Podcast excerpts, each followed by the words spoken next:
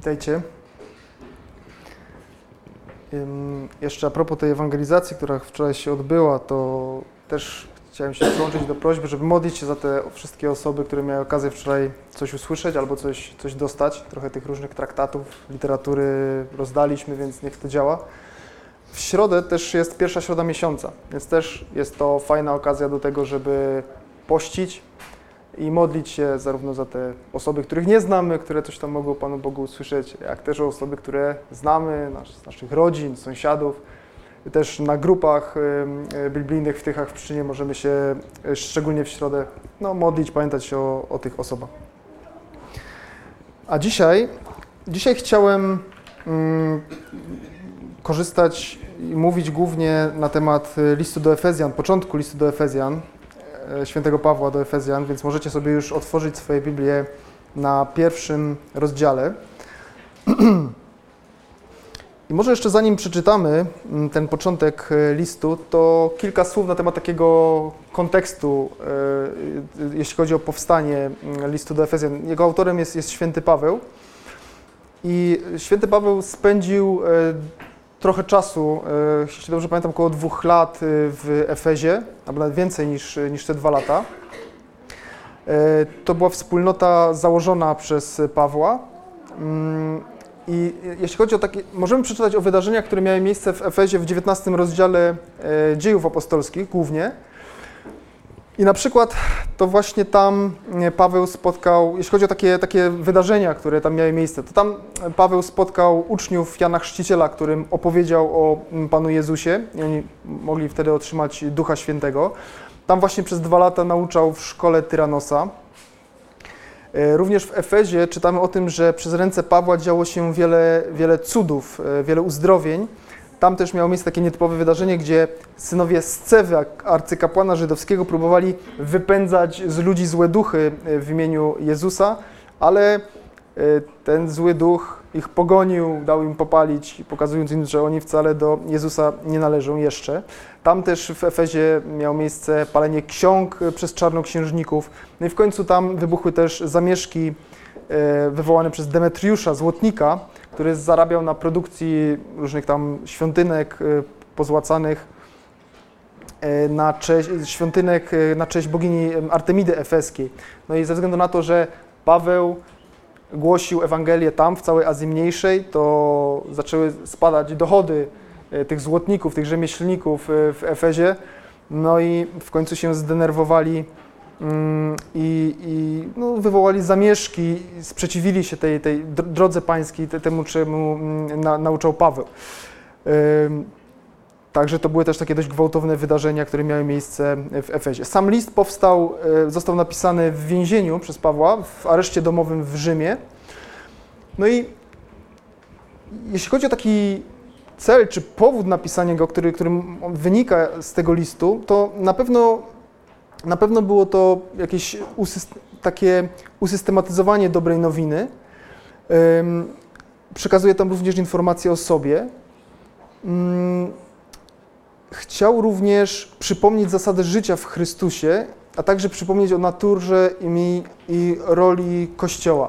Przede wszystkim myślę, że chciał dać tym wierzącym w Efezie taki, taki konkret, przypomnieć im o tym, czego on sam nauczał, czego ich nauczał, kiedy, kiedy był w Efezie, żeby, żeby mieli to jeszcze raz jakby tak czarno na białym napisane, jaka, na czym polega ta nauka. Myślę, że było też to ważne dla nowych osób, które przyłączyły się do tego kościoła, które być może tej drogi jeszcze nie znały, które nie znały Pawła i tego, jak on to wykładał. Wtedy też dzięki temu listowi mogły jeszcze raz tak bardzo wyraźnie mieć e, opisane, na czym polega Ewangelia, na czym polega droga pańska i jakie to ma praktyczne zastosowanie, bo właśnie ten list składa się z takich dwóch części. Pierwsze trzy rozdziały to jest bardziej taka teoretyczna część, wytłumaczenie Ewangelii, natomiast trzy ostatnie rozdziały e, to są takie praktyczne wskazówki dla, dla wierzących. I teraz przeczytam na początek pierwsze, pierwsze trzy wersety e, pierwszego rozdziału. Paweł z woli Boga apostoł Chrystusa Jezusa do świętych, którzy są w Efezie i wiernych w Chrystusie Jezusie. Łaska wam i pokój od Boga naszego Ojca i Pana Jezusa Chrystusa. Błogosławiony niech będzie Bóg i Ojciec naszego Pana Jezusa Chrystusa, która, który pobłogosławił nas wszelkim duchowym błogosławieństwem w okręgach niebieskich w Chrystusie.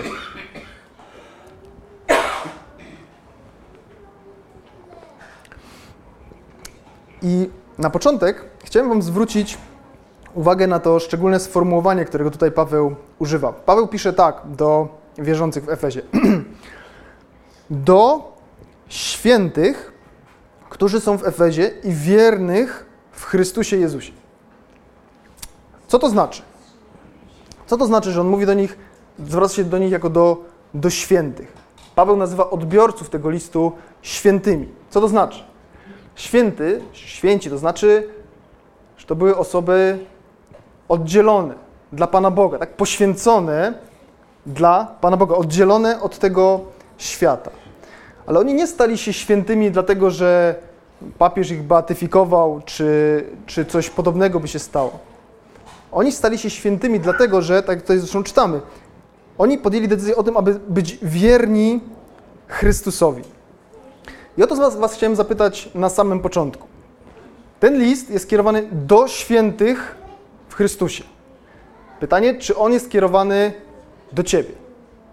Czy on jest kierowany do was? Czy wy jesteście świętymi w Chrystusie? Czy ty jesteś już święty w Chrystusie? Bo za chwilę, tak jak w tym trzecim wersecie czytaliśmy, będziemy czytać o pewnych, rozmawiać o pewnych błogosławieństwach, czyli dobrych, fajnych rzeczach, które są dostępne dla wierzących, właśnie dla świętych w Chrystusie. Ale jest ten warunek, musisz być świętym w Chrystusie. A żeby być świętym w Chrystusie, musisz przyznać, że jesteś grzesznikiem i że potrzebujesz tego, co Jezus Chrystus zrobił na krzyżu. Tej, tego, że On zapłacił karę za Twoje grzechy. Najpierw musisz to przyznać i podjąć tą decyzję, aby Jezusa zaprosić do swojego życia. I to jest jedyny warunek, żebyś został świętym, żebyś mógł być świętym, tak jak ci um, członkowie Kościoła w Efezie. I bardzo Was do tego zachęcam, jeżeli takiej ktoś decyzji jeszcze nie podjął. Tak jak mówię, ten list był kierowany również do osób nowych w kościele w Efezie, które być może jeszcze przed taką decyzją stały. Więc to jest pierwsza ważna rzecz, y, która tutaj się rzuca w oczy. I teraz przeczytam dalszy ciąg tego, mm, początek y, tego pierwszego rozdziału, od trzeciego wersetu do czternastego. Błogosławiony niech będzie Bóg i Ojciec naszego Pana Jezusa Chrystusa, który pobłogosławił nas wszelkim duchowym błogosławieństwem w okręgach niebieskich w Chrystusie. Zgodnie z tym, jak sobie w nim wybrał, jak nas sobie w nim wybrał przed założeniem świata, abyśmy byli święci i nienaganni przed Jego obliczem w miłości.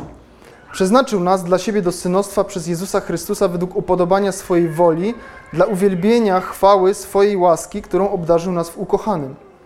W nim mamy odkupienie przez Jego krew, odpuszczenie upadków według bogactwa Jego łaski, którą nam hojnie okazał we wszelkiej mądrości i zrozumieniu, gdy oznajmił nam tajemnicę swojej woli według swojego upodobania, które w nim wyraził. W ramach planu pełni czasów, aby połączyć wszystko w Chrystusie, to co na niebiosach i to co na ziemi, w Nim samym.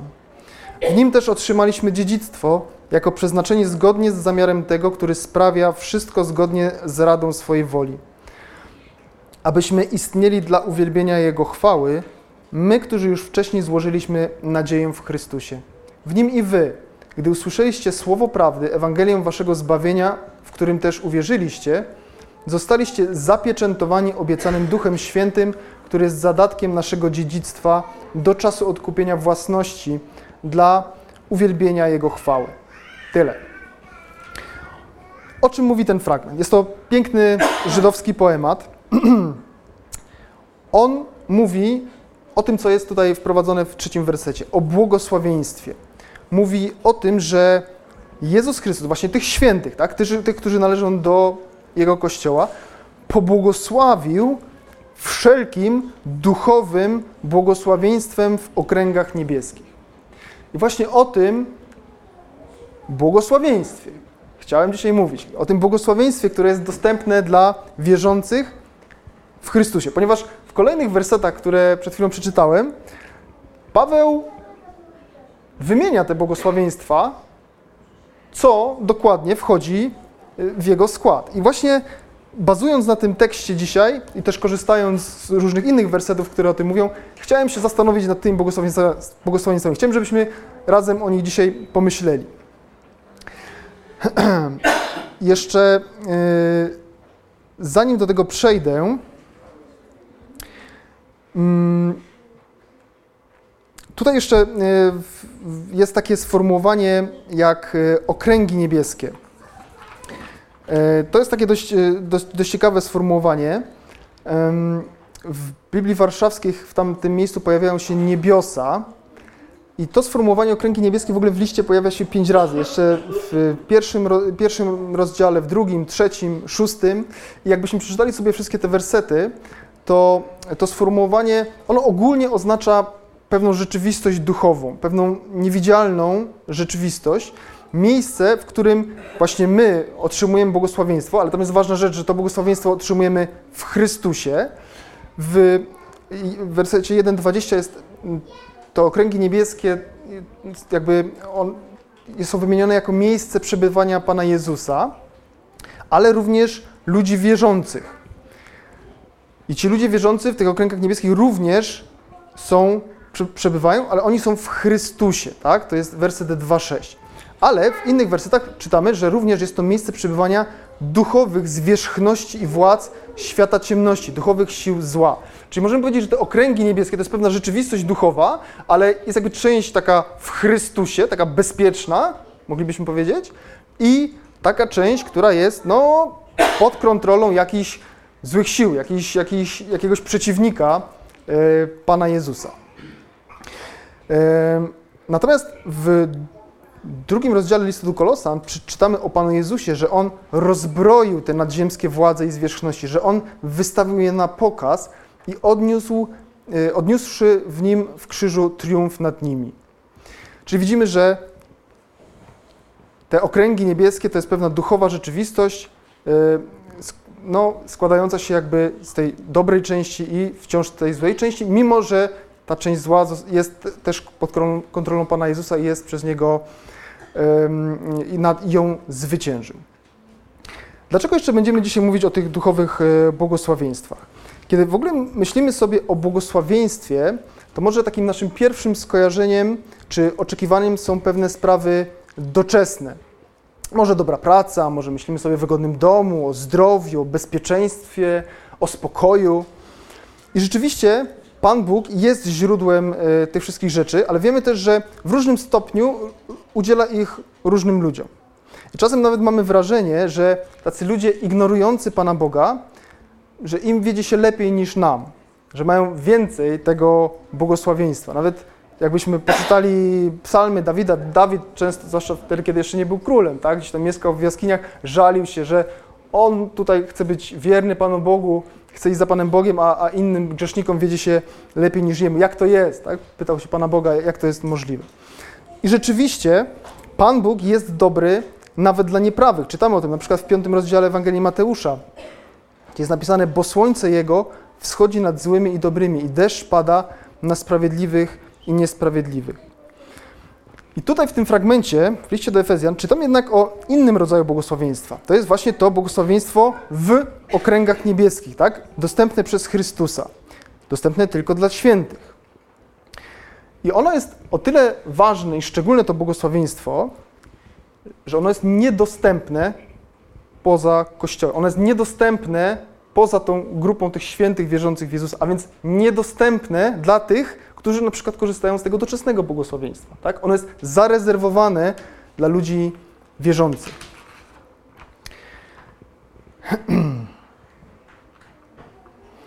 Dobrze, więc werset czwarty. Zobaczmy, jakie tutaj jest pierwsze opisane błogosławieństwo. Przeczytam ten werset jeszcze raz. Zgodnie z tym, jak nas sobie w nim wybrał przed założeniem świata, abyśmy byli święci i nienaganni przed Jego obliczem w miłości.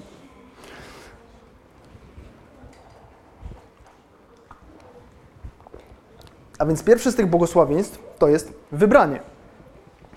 Wybranie oznacza, że ludzie są podzieleni na dwie grupy, tak? Są podzieleni na tych wybranych i tych niewybranych, czyli innymi słowy odrzuconych. Ten werset możemy rozumieć w taki sposób, że Pan Bóg wybrał Chrystusa, a w Chrystusie wybrał nas i to jeszcze przed założeniem świata, tak jak czytaliśmy. Ta doktryna o, o wybraniu, czy, czy wybrania, ona się inaczej nazywa predestynacja, w ogóle taka dość kontrowersyjna doktryna. I natomiast ona z całą pewnością pojawia się i to przejawia się przez całą Biblię, zarówno Stary Testament, jak i Nowy Testament i to wielokrotnie. Na przykład e, czytamy o tym, że został wybrany Jakub, tak? Mimo, że nie był pierworodny, to został wybrany przed swoim bratem Ezawem, przez Pana Boga. E, czytamy o tym, że cały naród Izraela również został wybrany do tego, żeby spełnić pewną rolę mm, w świecie, żeby głosić wielkie dzieła Pana Boga innym, innym narodom. E, czytamy również o tym, że Cyrus, król Cyrus został również wybrany do pewnej szczególnej, mimo że był poganinem, do pewnej szczególnej roli, którą miał dla Pana Boga, dla Izraela e, odegrać. I również wybranie, pojawia się doktryna o tym, że ludzie są wybrani do tego, aby mogli zostać zbawieni. I kilka przykładów e, z innych miejsc w Nowym Testamencie. My jednak powinniśmy dziękować Bogu zawsze za was, bracia umiłowani przez Pana, że Bóg wybrał was od początku ku zbawieniu przez Ducha, który uświęca i przez wiarę w prawdę. To drugi list do Tesalonicza. Szósty rozdział Ewangeliana. Nikt nie może przyjść do mnie, jeżeli go nie pociągnie Ojciec, który mnie posłał, a ja go wskrzeszę w dniu ostatecznym. Dzieje apostolskie. Poganie, słysząc to, radowali się i wielbili słowo Pańskie, a wszyscy ci, którzy byli przeznaczeni do życia wiecznego, uwierzyli. Jeszcze jeden fragment z Ewangeliana. Nie wy mnie wybraliście, ale ja was wybrałem i przeznaczyłem was, abyście szli i owoc wydawali i aby owoc wasz był trwały, by to, o cokolwiek byście prosili Ojca w imieniu moim, dał wam. A więc prawda o tym, że Pan Bóg wybrał pewną grupę ludzi, którzy mają dostąpić zbawienia, ona jest niepowtarzalna, tak? jakkolwiek by nam się wydawała kontrowersyjna. Pan Bóg po prostu posługuje się wyborem, jak chce, kiedy chce według swojej suwerennej decyzji. Nie tylko jeśli chodzi o zbawienie, o różne rzeczy, wybór do zrobienia konkretnego, wykonania mm, pewnego zlecenia, jakiejś służby. Pan Bóg, Pan Bóg wybiera ludzi według swojej suwerennej decyzji. Mm, więc widzimy, że też przez tą frazę, że ten wybór dokonał się przed założeniem świata, to ona oznacza, że ta decyzja była niezależna od ludzkich dokonań i od ludzkich decyzji zanim jeszcze jakikolwiek człowiek powstał, ta decyzja została podjęta.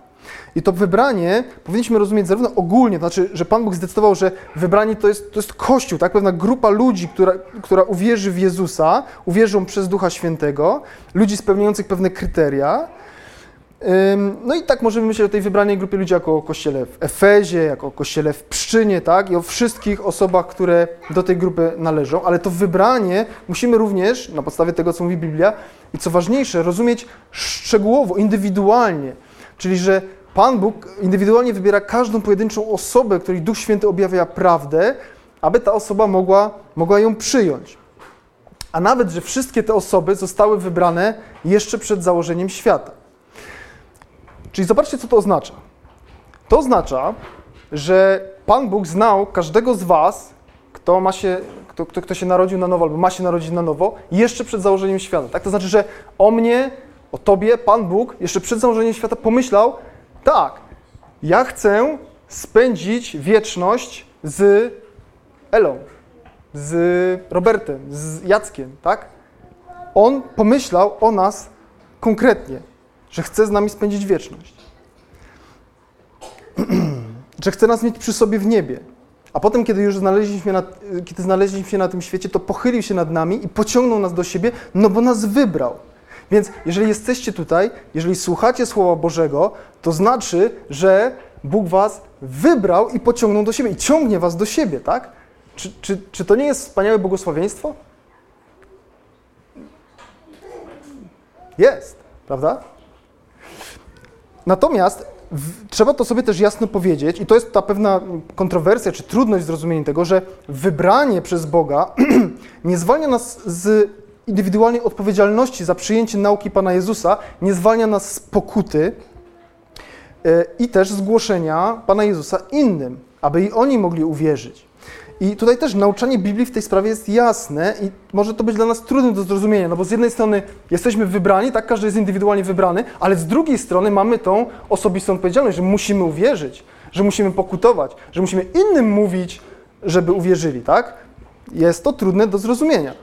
I jak się nad tym zastanawiałem, to przy, trochę mi to, może to nie jest idealny przykład, ale chyba troszkę to pokazuje, tak? Taki przykład z, ze sportu, z domeny sportu, że jak na przykład piłkarze albo siatkarze są powołani do reprezentacji, e, do, do, udziału w jakichś zawodach, tak, mistrzostwach świata powiedzmy, to jakaś grupa, powiedzmy 20 zawodników jest powołana, tak, są wybrani z dużo większej grupy. Ale to, że są wybrani, to nie znaczy, że oni teraz mogą sobie założyć ręce i siedzieć i spokojnie czekać na te, na te zawody, nic nie muszą robić, tak, bo już zostali wybrani i powołani. Oni mają wciąż osobistą odpowiedzialność, muszą ciężko trenować, muszą się przygotowywać do tych zawodów, nie mogą balować, tak, bo zostaną przez trenera wyrzuceni z, z reprezentacji, więc również jest zarówno element wybrania, jak i osobistej odpowiedzialności. Niedoskonały przykład, ale jakoś to obrazuje. Do czego nas Pan Bóg wybrał? Po co nas wybrał? Również w tym wersecie czytaliśmy o tym. Abyśmy byli święci i nienaganni w miłości. We wcześniejszym fragmencie, który czytałem, było napisane, abyście szli i owoc wydawali. A więc również sprawa nie kończy się na wybraniu, ale z tego wybrania przez Pana Boga, z wybrania do zbawienia, wynika również to, czego od nas oczekuje, tak? Że oczekuje życia godnego tego wybrania, życia w świętości, w nienaganności i też tego, że będziemy dla Niego pożyteczni. I również jest ten element odpowiedzialności wynikającej z wybrania.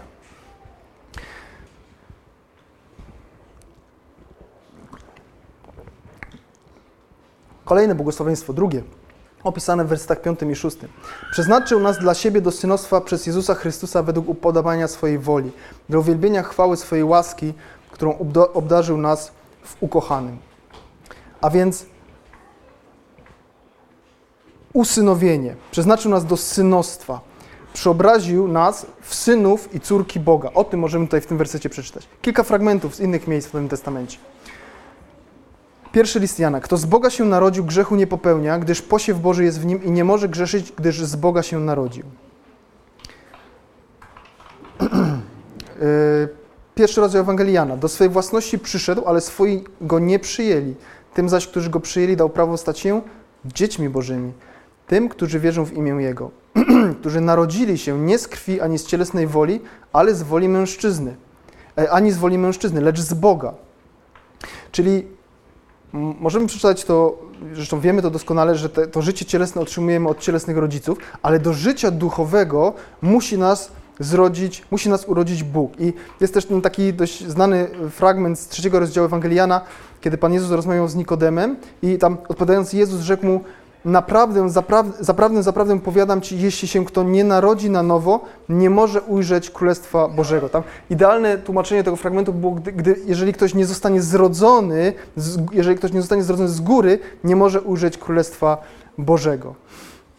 E, więc to, to nowe narodzenie to jest coś, co jest też inicjowane z góry, co jest inicjowane przez, przez Pana Boga.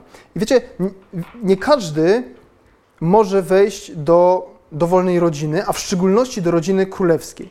I wiemy pewnie z lekcji historii czy z jakichś książek, że członkowie rodziny królewskiej powinni zawierać związki małżeńskie z osobami ogólnie pochodzącymi no, z arystokracji, tak, z podobnymi sobie, ale na przykład nie zanieczyścić błękitnej krwi arystokratycznej. Tak?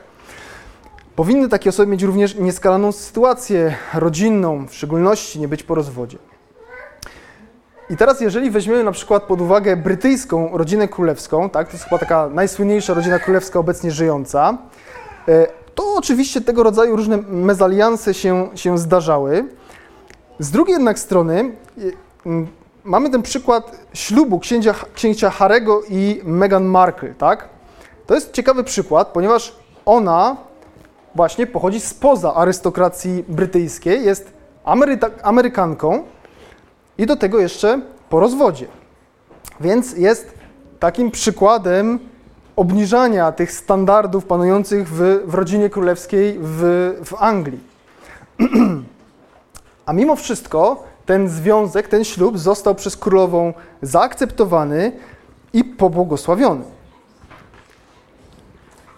No I między innymi właśnie dlatego ten, ten mezalians, ta taka trochę bajkowa historia wzbudza takie zainteresowanie mediów i ludzi na całym świecie. Ale w przypadku Bożej królewskiej rodziny nie ma tutaj mowy o obniżaniu standardów. Ponieważ śmierć i krew Pana Jezusa ma taką moc, że dla nas grzeszników jest to możliwe, że dostajemy się do tej rodziny.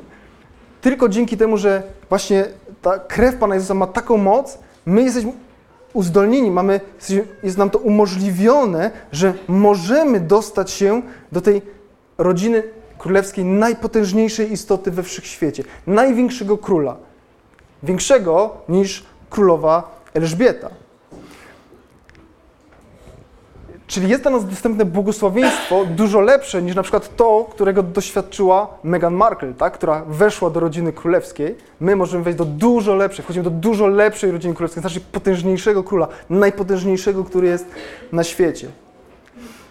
To jest tak niesamowite, że apostoł Piotr napisał, że to są rzeczy, w które sami aniołowie wejrzeć pragną, a psalmista Dawid napisał, Czymże jest człowiek, że o nim pamiętasz, lub syn człowieczy, że go nawiedzasz? Uczyniłeś go niewiele mniejszym od Boga, chwałą i dostojeństwem uwieńczyłeś go. Czasem też to usynowienie czy wejście do Bożej rodziny nazywa się duchową adopcją ale zwróćcie uwagę, że ziemscy rodzice mogą przekazać swoim dzieciom, e, ziemscy rodzice dzieci przybranych mogą swoim dzieciom przekazać no, miłość, tak, mogą ich obdarzyć miłością, jakieś dobra materialne, dać udział w dziedzictwie, ale nie są w stanie im przekazać swojej natury, swoich genów. Natomiast ta Boża adopcja jest o tyle niesamowita, to przybranie Boże jest o tyle lepsze, że Pan Bóg obdarowuje nas nie tylko tym błogosławieństwem w Jezusie, ale również Jego naturą. Jest to dla Pana Boga możliwe. Um, Więc, więc y, są nam nadawane te przywileje, ale również obowiązki wynikające z przynależności do, do Bożej rodziny, z, stania się y, dziećmi y, Boga. Dobrze, kolejne błogosławieństwo. W wersecie siódmym o nim czytamy.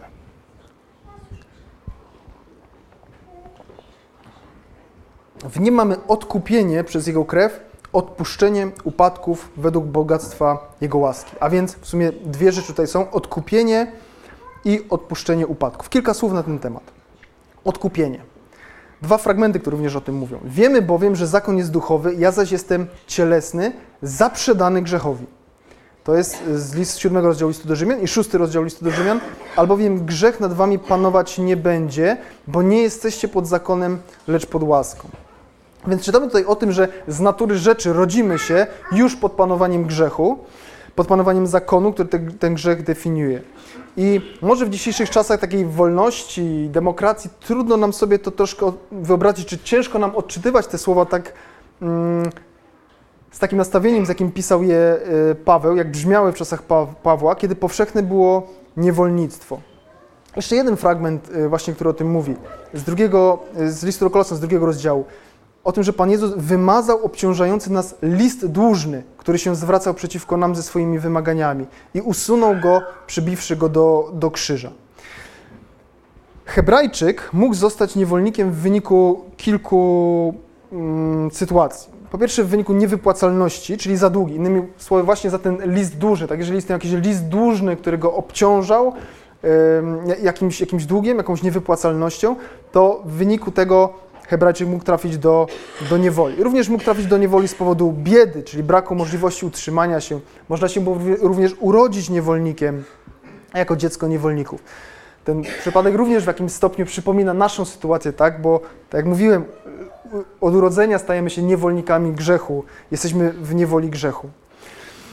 I temu niewolnikowi pochodzenia hebrajskiego zwracano, zgodnie z tym, co mówiło prawo mojżeszowe, należało zwrócić wolność po sześciu latach służby, jeżeli tylko tego chciał, albo mógł również zostać wykupiony za odpowiednią kwotę pieniędzy, na przykład przez swoją rodzinę. Również niewolnik mógł wykupić się sam, jeżeli udało mu się uzbierać odpowiednią ilość pieniędzy. I to znowu jest taka trochę kontrowersyjna rzecz, prawda? To, to niewolnictwo w Biblii, to, że Pan Bóg e, jakoś no, przyzwalał i tolerował w pewnym okresie czasu e, taką formę zatrudnienia, że tak powiem, może nam się to wydawać trochę, trochę dziwne, czy niezrozumiałe, ale jestem pewien, że jednym z powodów, dlaczego Pan, Pan Bóg tolerował niewolnictwo, było to, aby właśnie na tym przykładzie uzmysłowić nam naszą sytuację duchową. Tak? Mimo, że według może prawa ludzkiego jesteśmy ludźmi wolnymi, to według prawa Bożego, według prawa duchowego pozostajemy w niewoli grzechu tak długo, aż nas ktoś nie wykupi. Jednak w tym przypadku nie możemy się wykupić sami, ani nie może zrobić tego za nas rodzina, ponieważ Biblia mówi tak. Przecież brata żadnym sposobem nie wykupi człowiek, ani też nie da Bogu za niego okupu, bo okup za duszę jest zbyt drogi i nie wystarczy nigdy, by mógł żyć dalej na zawsze i nie oglądał grobu. To jest cytat z 49 psalmu. A więc jest tylko jedna rzecz wystarczająco cenna, za którą możemy zostać wykupieni. To jest krew Jezusa Chrystusa, właśnie tego ukochanego, o którym też czytamy e, e, w tym, w tym fragmencie, tego ukochanego swojego Ojca. I właśnie ta cena została zapłacona na krzyżu. Za tą cenę zostaliśmy odkupieni od tego poprzedniego właściciela, od tego, od, od grzechu, od diabła. Czy zostaliśmy wykupieni do wolności? Tak. Czy to znaczy, że teraz jesteśmy, każdy z nas jest panem samego siebie? Nie, to znaczy, że staliśmy się własnością, że staliśmy sługami naszego nowego właściciela. Staliśmy sługami Jezusa Chrystusa, ale to jest o wiele, wiele lepszy los niż był dla nas przewidziany wcześniej, zanim nas Pan Jezus wykupił. I powiązane z tym y, drugie błogosławieństwo, czyli odpuszczenie grzechów. I znowu kilka fragmentów, które mówią o odpuszczeniu grzechów. Y, fragment z dziejów apostolskich. O nim to świadczą wszyscy prorocy, iż każdy, kto w niego wierzy, dostąpi odpuszczenia grzechów przez imię Jego. Czyli to odpuszczenie grzechów to jest inaczej ich darowanie, przebaczenie, zapomnienie o grzechach. I o tym też mówią inne fragmenty z Psalmu 103. Jak daleko jest wschód od zachodu, tak oddalił On od nas występki nasze. Albo werset z pierwszego rozdziału Izajasza. Chodźcie więc, a będziemy się prawować, mówi Pan. Choć wasze grzechy będą czerwone jak szkarłat, jak śnieg zbieleją, choć będą czerwone jak purpura, staną się białe jak wełna. Albo jeszcze jeden cytat z 43 rozdziału Izajasza. Ja, jedynie ja mogę przez wzgląd na siebie zmazać Twoje przestępstwa i Twoich grzechów nie wspomnę.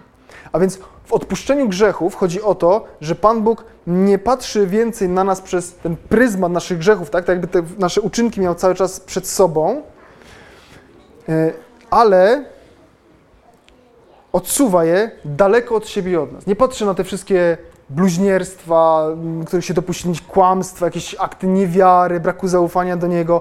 Odsuwa to daleko, tak? Odsuwa to daleko od siebie i od nas. Mało tego, nie dzieje się to tylko raz w momencie naszego nawrócenia, tak, przyjęcia y, Pana Jezusa. Jesteśmy powołani, wybrani do życia w świętości i nienaganności, ale wiemy, że i tak zdarzają nam się po tej decyzji kolejne upadki. I kolejnym wspaniałym duchowym błogosławieństwem, dostępnym właśnie w tych okręgach niebieskich, jest to, że w takich sytuacjach, kiedy nawet podwinie nam się noga już po nawróceniu, również możemy w pokorze, możemy ze skruchą przyjść, przyznać się do tego, co zrobiliśmy, przeprosić Pana Boga, a On znowu nam odpuści i znowu odsunie od nas ten grzech, znowu nas wybieli w krwi Pana Jezusa. Bo przecież jesteśmy kim? Bo jesteśmy Jego dziećmi. Bo jesteśmy Jego dziećmi, a wszyscy ci, którzy mają dzieci, doskonale wiedzą, ile razy dzieciom trzeba wybaczać to samo, to samo na nowo. 7 razy po 77 to czasem jest mało, prawda? Właśnie. I to wielkie błogosławieństwo również dla nas jest dostępne w Panu Jezusie, chociaż jesteśmy powołani do tego, aby żyć bez grzechu. I o tym właśnie pisze święty Jan w swoim liście. Dzieci moje, to wam piszę, abyście nie grzeszyli, a jeśli by kto zgrzeszył, mamy orędownika u Ojca, Jezusa Chrystusa, który jest sprawiedliwy. On jest ubłaganiem za grzechy nasze, a nie tylko za nasze, lecz i za grzechy całego świata. Wersety 8 i 9.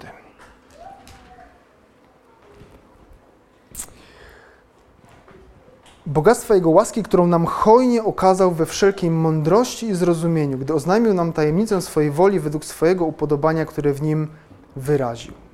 A więc mądrość i zrozumienie. Obdarzenie mądrością i zrozumieniem.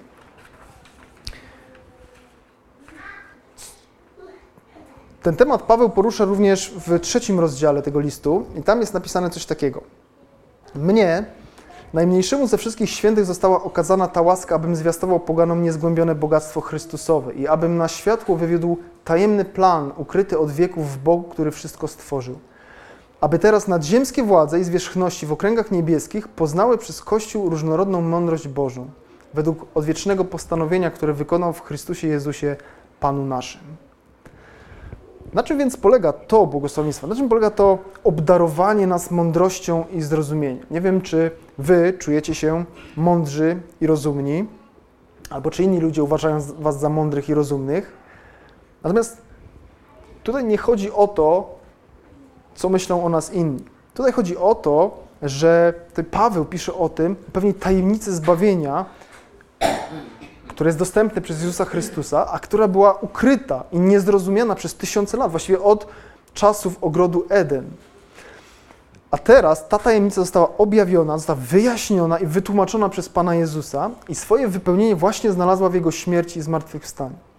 To znaczy, to znaczy tyle, że po prostu wcześniej nikt, absolutnie nikt nie wiedział, nawet te nadziemskie władze i zwierzchności, nawet aniołowie, nie wiedzieli, jak to się może stać, że ludzie będący w Kościele będą zbawieni że mimo łamania Bożych zasad i Bożego prawa nie poniosą tego konsekwencji. A mimo wszystko Pan Bóg okaże się sprawiedliwy. To było nie wiadomo, jak to się miało stać. I dopiero w Panu Jezusie ta tajemnica się objawiła. No i właśnie my ten plan, ten, ten Bożą tajemnicę mogliśmy poznać, mogliśmy zrozumieć i mogliśmy uwierzyć w ten plan, tak? Mogliśmy uwierzyć w Jezusa, który zrealizował ten plan. I właśnie to jest to błogosławieństwo mądrości i zrozumienia, które jest dla nas dostępne. To oznacza, że ta mądrość i zrozumienie nie są pochodzenia ludzkiego, nawet można powiedzieć, że one są w takiej ostrej sprzeczności z ludzką mądrością, ale że pochodzą od Boga, są objawiane ludziom przez Ducha Świętego. Dokładnie o tym możemy przeczytać w pierwszym liście do Koryntian, w drugim rozdziale. Już nie będę teraz cytował, tam właściwie cały rozdział jest na ten temat. I ta mądrość jest objawiona tylko nielicznym, jest objawiona tylko właśnie tym wybranym, o których mówiliśmy na początku, na podstawie suwerennej woli Bożej.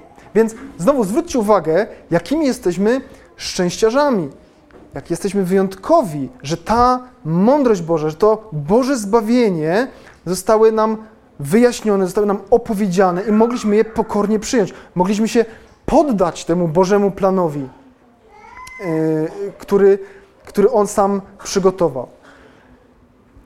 I to jest plan, którym zarówno te nadziemskie władze i zwierzchności, jak i większość tych mądrych ludzi tego świata się sprzeciwia. Więc znowu Was chciałem zapytać, czy doceniacie tą łaskę i to błogosławieństwo, które Was spotkało, że rozumiecie, jaki jest plan Boga, co Bóg zamierza, co uczynił przez Jezusa. To obdarzenie mądrością i zrozumieniem daje nam jeszcze, jakby można rozumieć jeszcze bardziej ogólnie, tak? Daje nam jeszcze takie bardziej ogólną wgląd czy perspektywę na, na, rzeczy w ogóle, które dzieją się na tym świecie. I tutaj tylko kilka przykładów, można było długo rozwijać ten temat, tylko, tylko kilka przykładów. Na przykład, dzięki mądrości i zrozumieniu, które otrzymaliśmy od Boga, wiemy, że koniec tego świata, jaki znamy, jest pewny i postanowiony przez Boga. To jest wyraźnie napisane w Biblii. Dlatego różne przemiany społeczne czy polityczne, które na przykład teraz dostrzegamy dookoła, tak, to, że ten świat stacza się na moralne dno, nie jest dla nas jakimś zaskoczeniem. Możemy się na to przynajmniej psychicznie przygotować. Podobnie, dzięki właściwej perspektywie jesteśmy w stanie znieść różnego rodzaju prześladowania, cierpienia, bo mają one dla nas sens i wiemy, że Bóg ma na tym kontrolę, tak? Mamy tą Jego mądrość, Jego perspektywę. Jeszcze inny przykład. Mamy, czy przynajmniej powinniśmy mieć właściwy pogląd na sprawy materialne w tym świecie. Wiemy, że nic z tego świata nie zabierzemy, że nadzy na niego przyszliśmy i nadzy odejdziemy. To również jest mądrość i zrozumienie, które pochodzi od Boga.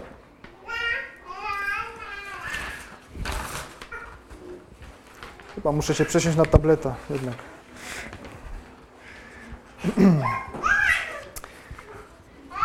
Więc to, co Wam chciałem dzisiaj powiedzieć i podkreślić, to to, że tego rodzaju, żebyście to docenili, to błogosławieństwo, jakie dla nas jest dostępne, bo tego rodzaju mądrość, tego rodzaju zrozumienie spraw duchowych jest zupełnie niedostępne dla ludzi znajdujących się poza Bożym Kościołem, poza, poza Bożym Królestwem. Kolejne błogosławieństwo, zapisane w wersecie 11.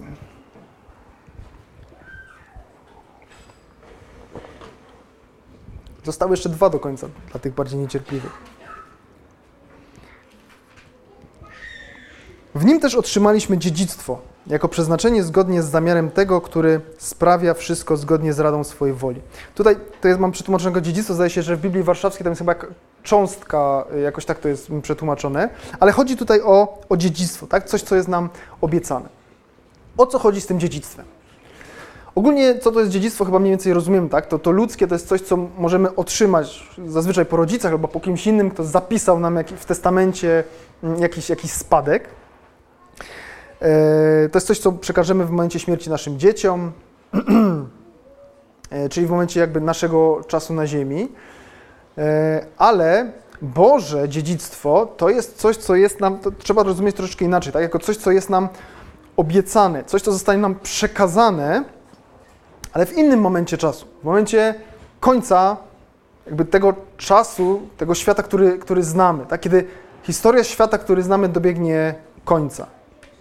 Dziedzictwo Boże oznacza to, że to, co jest obecnie Jezusa, kiedyś będzie również nasze. Dwa fragmenty dotyczące dziedzictwa. List do Kolosa, pierwszy rozdział. Dziękując Ojcu, który was zdolnymi uczynił do uczestnictwa w dziedzictwie świętych światłości. I fragment z Ewangelii Mateusza, z Kazania na Górze.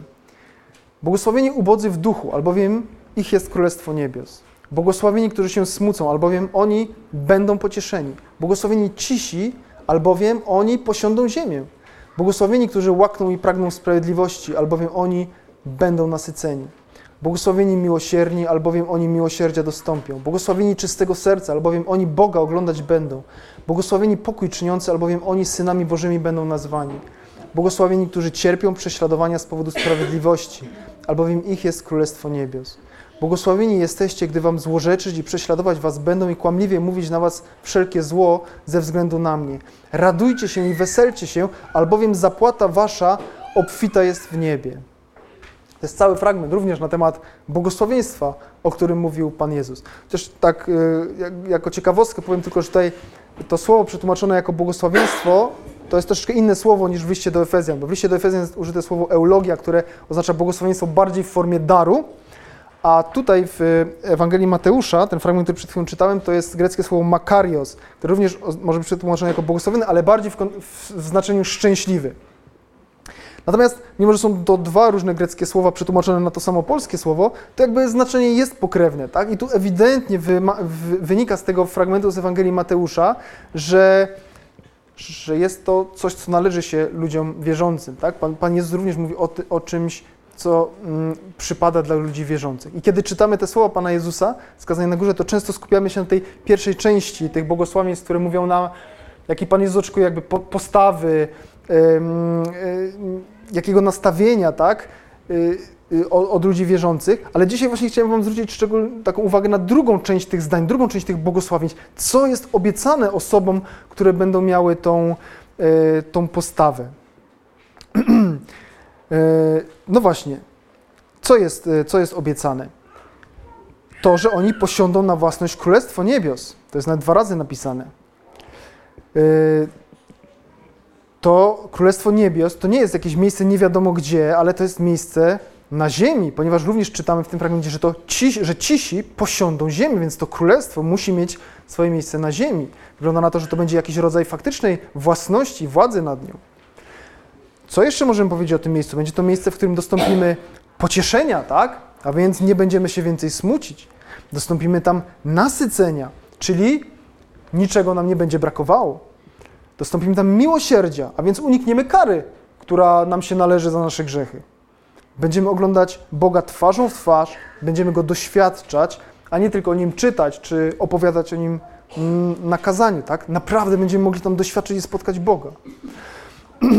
Ale to nie wszystko, ponieważ Biblia jest jeszcze bardziej konkretna, opisując to dziedzictwo.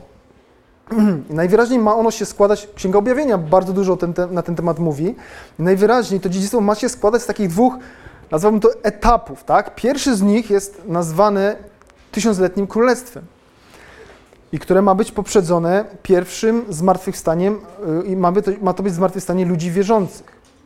Jest y, tysiącletnie królestwo, jest opisane w 20 rozdziale Księgi Objawienia, zachęcam, żeby sobie to przeczytać. Nie będę dzisiaj tego rozwijał, nie ma na to czasu. Jeden fragment tylko na ten temat. To jest napisane właśnie o tych ludziach, którzy zmartwychwstaną przed tysiącletnim królestwem. Błogosławiony i święty ten, kto ma udział w pierwszym zmartwychwstaniu. Nad nim druga śmierć nie ma mocy, lecz będą kapłanami Boga i Chrystusa i panować z nim będą przez tysiąc lat. To jest napisane o ludziach wierzących, którzy będą No, zobaczcie, jakie zaszczytne zajmowali miejsce. Będą kapłanami, będą panować razem z Chrystusem przez tysiąc lat. To jest bardzo konkretna rzecz, tak? Bardzo konkretne dziedzictwo, ale to, to nie jest koniec, ponieważ również w kolejnym rozdziale e, Księgi Objawienia jest opisane, że po tysiącletnim królestwie ma nastać kolejny etap historii świata i również dziedzictwa świętych. I tam apostoł Jan tak pisze o tym, o tym, co zobaczył w swojej wizji. I widziałem nowe niebo i nową ziemię, albowiem pierwsze niebo i pierwsza ziemia przeminęły i morza już nie ma. I widziałem miasto święte, nowe Jeruzalem, wstępujące z nieba od Boga, przygotowane jak przyozdobiona oblubienica dla męża swego. I usłyszałem donośny głos stronu mówiący, oto przybytek Boga między ludźmi i będzie mieszkał z nimi, a oni będą ludem Jego, a sam Bóg będzie z nimi. I otrze wszelką łzę z ich oczu. I śmierci już nie będzie, ani smutku, ani krzyku, ani mozołu już nie będzie, albowiem pierwsze rzeczy przeminęły.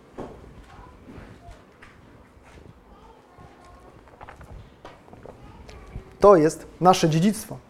To jest właśnie nasze dziedzictwo, to błogosławieństwo, dostęp, błogosławieństwo dostępne w okręgach niebieskich. To nie jest coś abstrakcyjnego, coś wyduma, wydumanego, ale to jest tak konkretne jak miasto, tak? jak, jak obecna Jerozolima, jak, jak Pszczyna, ale dużo lepsze pod każdym względem. Jest to miejsce doskonałe, miasto, które stąpi z nieba, ale będzie obecne na ziemi i my się tam mamy znaleźć. Rozumiecie o co mi chodzi? Że to nie jest coś wzniosłego, wydumanego, coś nierealnego. To jest prawdziwe miasto, prawdziwa rzeczywistość, w której my mamy uczestniczyć. To jest Boże błogosławieństwo, błogosławieństwo w Chrystusie, które jest nam obiecane. Paweł jeszcze napisał tak o tym, co ma się wydarzyć, o tym dziedzictwie. Głosimy tedy, jak napisano, czego oko nie widziało i ucho nie słyszało i co do serca ludzkiego nie wstąpiło, to przygotował Bóg tym, którzy Go miłują. To jest właśnie o tym naszym dziedzictwie, które jest dla nas dostępne. I ostatnie błogosławieństwo. Wersety 13 i 14. W nim i wy, gdy usłyszeliście słowo prawdy, Ewangelię waszego zbawienia, w którym też uwierzyliście, zostaliście zapieczętowani obiecanym Duchem Świętym, który jest zadatkiem naszego dziedzictwa do czasu odkupienia własności dla uwielbienia Jego chwały. O co chodzi z tym Duchem Świętym? Z tym zapieczętowaniem, z zadatkiem. Każdy, to wiemy z innych fragmentów, zresztą zaraz jeden przeczytam, każdy, kto usłyszy słowa prawdy Ewangelii i uwierzy w nie, otrzymuje Ducha Świętego. Tak? Wstępuje on na, na osobę wierzącą, zaczyna mieszkać w takiej osobie. I na przykład w drugim liście do Koryntian jest o tym napisane. Tym zaś, który, który nas utwierdza wraz z wami w Chrystusie, który nas namaścił, jest Bóg, który też wycisnął na nas pieczęć i dał zadatek ducha do naszych serc. Moglibyśmy powiedzieć, że znaczy Duch Święty ma dużo, wiele różnych ról, wiele roboty w nas do zrobienia, ale możemy powiedzieć, taką najważniejszą rolą czy funkcją Ducha Świętego w wierzącej osobie jest to, aby zapewnić nam bezpieczeństwo tej naszej pozycji w Panu Jezusie i zapewnić nas o zbawieniu w wieczności. I teraz, jakbyśmy popatrzyli na ten termin opieczętowanie, o co tutaj chodzi? Do czego się to odnosi? Odnosi się to do oficjalnej pieczęci umieszczanej na listach, różnych kontraktach, umowach, innych dokumentach. I w ten sposób, jak taką pieczęć umieściło się na dokumencie, to on stawał się, on był podpisany przez tą osobę, która podpisała, przez, przez autorytet tej, tej osoby. I z tego opieczętowania nas Duchem Świętym wynikają cztery ważne i ciekawe prawdy. Po pierwsze, wynika z niej bezpieczeństwo. I tutaj moglibyśmy taki znaleźć biblijny przykład, mm, kiedy na przykład Daniel został wrzucony do jamy z lwami, e, co samo w sobie nie było zbyt bezpieczne oczywiście, ale e, zostały, drzwi do tej jamy zostały zamknięte i zapieczętowane pieczęcią króla, króla Dariusza. Tak? To oznaczało, że nikt przez te drzwi nie może ani wyjść, ani wyjść. Tak? Po prostu one miały pozostać niezamknięte, aż król zdejmie tą pieczęć. A więc Opieczętowanie pieczęcią Ducha Świętego daje nam pewne bezpie, daje nam bezpieczeństwo, że nikt nie może bez Jego pozwolenia wejść do naszego serca, nic z niego y, wynieść, wyprowadzić. Jesteśmy bezpieczni w Jezusie. Nikt nas nie wydrze dzięki temu z jej ręki. Ta pieczęć Ducha Świętego również jest gwarancją autentyczności. Znowu taki biblijny przykład. Izabel wysłała listy w imieniu swojego męża do zarządców miasta. Opatrzyła go właśnie pieczęcią swojego męża Ahaba to, to jest z historii o winnicy Nabota. a więc również tą pieczęcią swojego męża, pieczęcią króla udowodniła, że to jest autentyczna korespondencja od niego, tak? I również ta pieczęć Ducha Świętego w naszym życiu oznacza, że my autentycznie się nawróciliśmy i to jest potwierdzone przez autorytet Pana Boga. Co jeszcze oznacza ta, mm, ta mm, pieczęć? Pieczęć w Biblii została również użyta, kiedy Jeremiasz kupował pole od Hanamela. I ten akt kupna tego pola również został potwierdzony pieczęcią, został przypieczętowany. A więc pieczęć Ducha Świętego jest dowodem własności, dowodem tego, że my należymy do Pana Boga. I ostatnia rzecz. W księdze Estery czytamy o tym, jak król Ahaswerosz opieczętował swoim sygnetem zarządzenie dotyczące Żydów, łaski okazanej Żydom. Więc ta pieczęć była y, również oznaką władzy, oznaką autorytetu, więc jest pieczęć Ducha Świętego oznacza, że my sami jesteśmy pod autorytetem i pod władzą Pana Boga. To tyle wniosków możemy wyciągnąć z tego, że jesteśmy, te osoby, które są wierzące, opieczętowane Duchem Świętym. Czytaliśmy tutaj jeszcze o, o zadatku, tak? Że Duch Święty jest zadatkiem naszego dziedzictwa. To jest też ciekawe słowo, to jest greckie słowo arabon.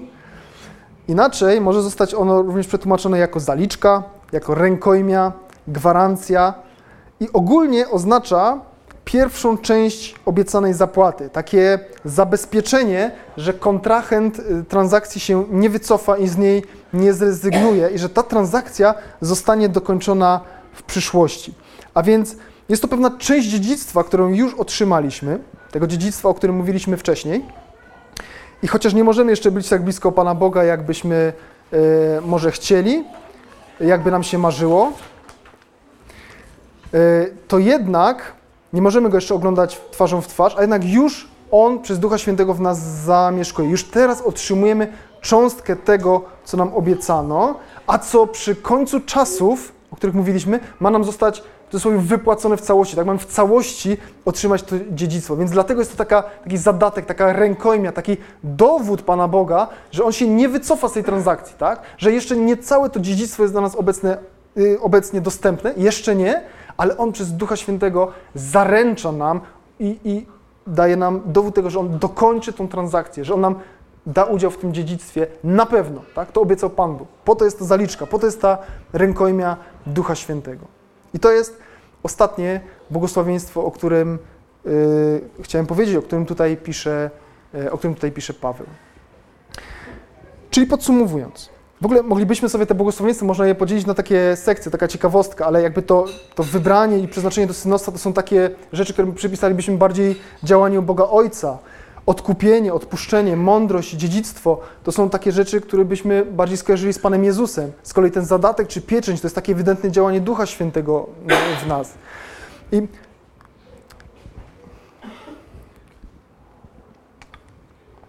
Dlaczego w ogóle, dlaczego w ogóle o tym mówię? Dlaczego jakby zacząłem się zastanawiać nad tymi błogosławieństwami, nad tym, co, co Paweł tutaj pisze. Ponieważ ja sam, w ogóle ludzie, tak myślę, często e, zwracają uwagę na takie rzeczy przyziemne. I Pan Jezus, kiedy z nimi rozmawiał, spotykał się, mówił różne rzeczy, to często zwracał uwagę tych ludzi słuchających Go, aby nie koncentrowali się nadmiernie na swoich potrzebach doczesnych, ale zamiast tego skupili się na tym, co ma prawdziwą, taką wieczną wartość. I dzisiaj jest dużo przykładów, ale jeszcze dwa przykłady. Kiedy Pan Jezus rozmawiał z Samarytanką, to powiedział tak: Jezus rzekł do niej: Gdybyś znała dar Boży i tego, który mówi do ciebie, daj mi pić, wtedy sama prosiłabyś go i dałby ci wody żywej. Oczywiście Pan Jezus mówił o wodzie życia wiecznego, tak? o tym, o zaspokojeniu na zawsze pragnienia, które ma każdy człowiek, pragnienia zbawienia, poznania Boga. Ale ona, gdy usłyszała tą propozycję, to powiedziała: Tak, Panie Jezu, daj mi tej wody, żebym już nie musiała chodzić do tej studni, gdzie jest ciepło, gorąco i więcej czerpać. Widzicie, Pan Jezus mówił jej o pewnym pewnych rzeczach duchowych, o, o, zaspokojeniu jej potrzeby duchowej raz na zawsze, ale ona interesowała się tym, żeby więcej nie musiała chodzić do studni i czerpać wody. Tak? To była automatyczna reakcja, odpowiedź, coś o czym pomyślała. Błogosławieństwo, którego się spodziewała, najlepsza rzecz, która mogła jej według niej spotkać. Y, kiedy Pan Jezus rozmnożył chleb, nakarmił tłum, ludzie również go szukali, kiedy go w końcu następny dzień znaleźli, powiedział Pan Jezus do nich tak, szukacie mnie nie dlatego, że widzieliście cuda, ale dlatego, że jedliście chleb i nasyciliście się. Zabiegajcie nie o pokarm, który ginie, ale o pokarm, który trwa, o pokarm żywota wiecznego, który wam da Syn Człowieczy. I potem tłumaczy, że to On jest tym chlebem, który stąpił z nieba, że, że On jest, On zaspokoi ich znowu wieczną potrzebę, potrzebę życia wiecznego, potrzeba spotka potrzebę spotkania z Bogiem. Ale oni Go szukali, bo, bo się napełnili, napełnili swoje brzuchy, bo, bo, bo znowu byli głodni. Szukali ziemskie, zaspokojenia ziemskich potrzeb, kiedy Pan Jezus zwraca uwagę, że jest coś ważniejszego, że jest ważniejsze jest zaspokojenie naszych duchowych potrzeb, ważniejsze jest duchowe błogosławieństwo.